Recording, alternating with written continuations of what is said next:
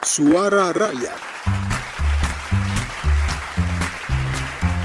Penjualan pakaian bekas impor atau thrifting menjadi polemik di kalangan masyarakat karena tindakan tegas dari pemerintah untuk memusnahkan sebanyak 7.363 bal pakaian bekas impor. Banyak masyarakat yang menyayangkan hal tersebut karena dapat menghilangkan mata pencaharian pedagang pakaian bekas. Wakil Ketua Komisi 6 DPR RI, Muhammad Sarmuji, menilai maraknya impor pakaian bekas masuk bukan disebabkan peraturan yang kurang memadai. Persoalan utamanya adalah penegakan aturan yang minim, sehingga impor baju bekas masih terjadi hingga saat ini. Bagaimana tanggapan masyarakat tentang permasalahan thrifting? Mari kita simak pernyataan berikut ini.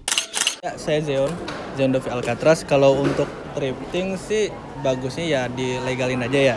Dikarenakan ya dari oh, pendapatan untuk yang lain-lain UMKM tuh dapatnya dari sana dan juga lebih menjangkau. Karena yang di beberapa di tempat saya tuh di daerah Sumatera di pedalaman tuh rata-rata thrifting semua. Begitu. Kalau untuk bersaing sama UMKM memang kan semua kan harus tetap bersaing.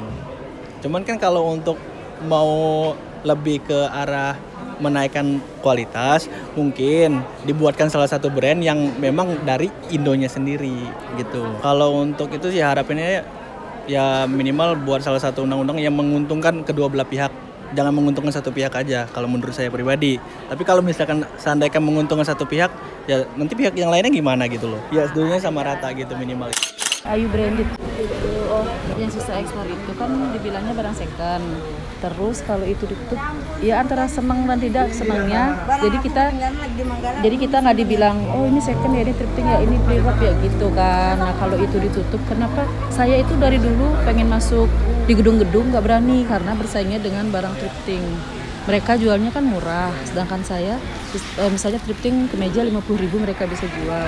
Kalau saya kan 90.000 tapi baru. Tapi yang nggak mengerti barang dibilangnya thrifting gitu jadi saya antara senang dan tapi senang sih gitu. Karena jadi saya nggak ada jadi saya berani masuk ke kantor-kantor gitu. Jadi kalau mereka kan celana aja 50.000 sedangkan saya 100.000 Nah, yang tidak mengerti barang, mereka taunya barang saya preloved, padahal sisa ekspor. Itu hancurin harga.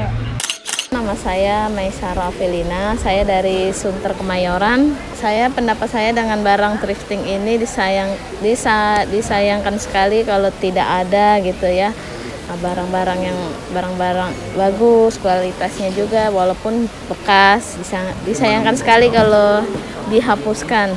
Eh, saya mohon untuk di, jangan dihapuskan barang-barang yang thrifting.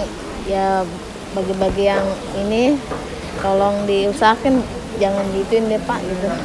Diperjuangkan Suara Rakyat Produksi Televisi Radio Parlemen Biro Pemberitaan Parlemen Sekjen DPR RI